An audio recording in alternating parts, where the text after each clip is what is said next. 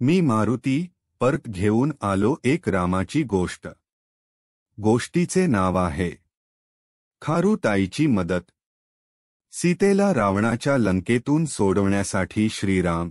लक्ष्मण वानरराज सुग्रीव महावीर हनुमान जांबुवंत आणि सर्व वानर सेना निघाली होती. ते भारताच्या दक्षिण टोकाला पोहोचले. आता लंकेत जाण्यासाठी समुद्र पार करणे आवश्यक होते. हनुमानासारखे आकाशात उडण्याची शक्ती सर्वांमध्ये नव्हती. आणि त्यांच्याकडे जहाजेही नव्हती. त्यामुळे त्यांनी लंकेत जाण्यासाठी सेतू पुल ब्रिज बांधायचे ठरवले.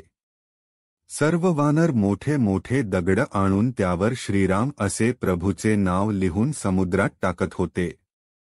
प्रभुनामाच्या महिमेमुळे ते दगड समुद्रात तरंगत होते. हळूहळू सेतू आकार घेत होता.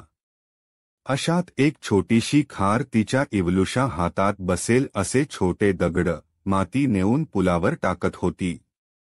तिला सुद्धा देवाला मदत करायची होती. इतर वानरांना जेव्हा तिची ही धडपड दिसली तेव्हा ते हसायला लागले.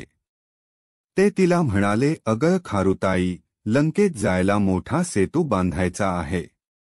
आम्ही बघ किती मोठे दगड उचलून आणतोय.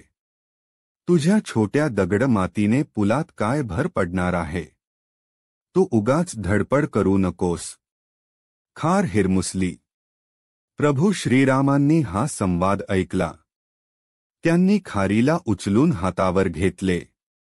आणि इतर वानरांना म्हणाले चांगल्या कामात फक्त मोठं काम करणं महत्वाचं नसतं. चांगल्या भावनेने आपल्याला जे योगदान शक्य असेल ते करणं महत्वाचं असतं. आपल्याकडे जास्त क्षमता असेल म्हणून दुसऱ्यांना सत्कार्य करण्यापासून रोखू नये. लहान मोठे कमजोर आणि शक्तिवान अशा सगळ्यांनी आपल्या परीने योगदान दिलं तरच मोठं कार्य होत असतं.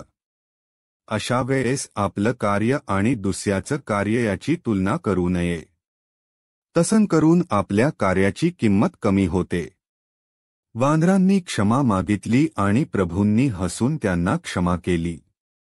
त्यांनी खारीच्या पाठीवरून प्रेमाने हात फिरवला आणि तिच्या शरीरावर काळे पट्टे उमटले.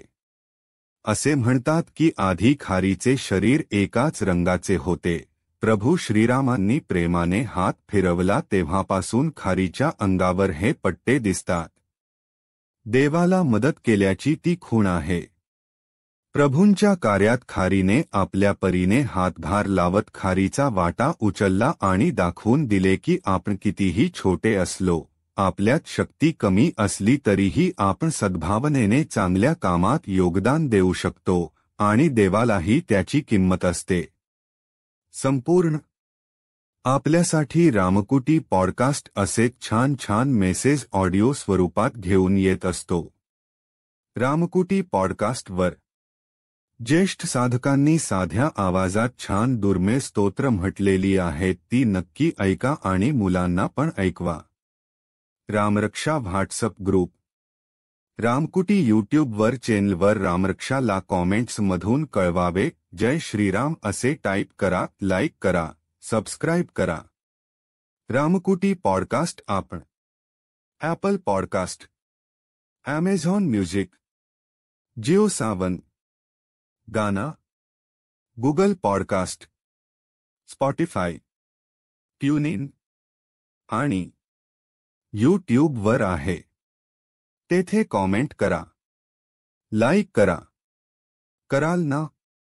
आणि जगातील पॉडकास्ट पुरवणाऱ्या सर्व्हिस प्रोव्हायडरवर आपण रामकुटी सर्च करा.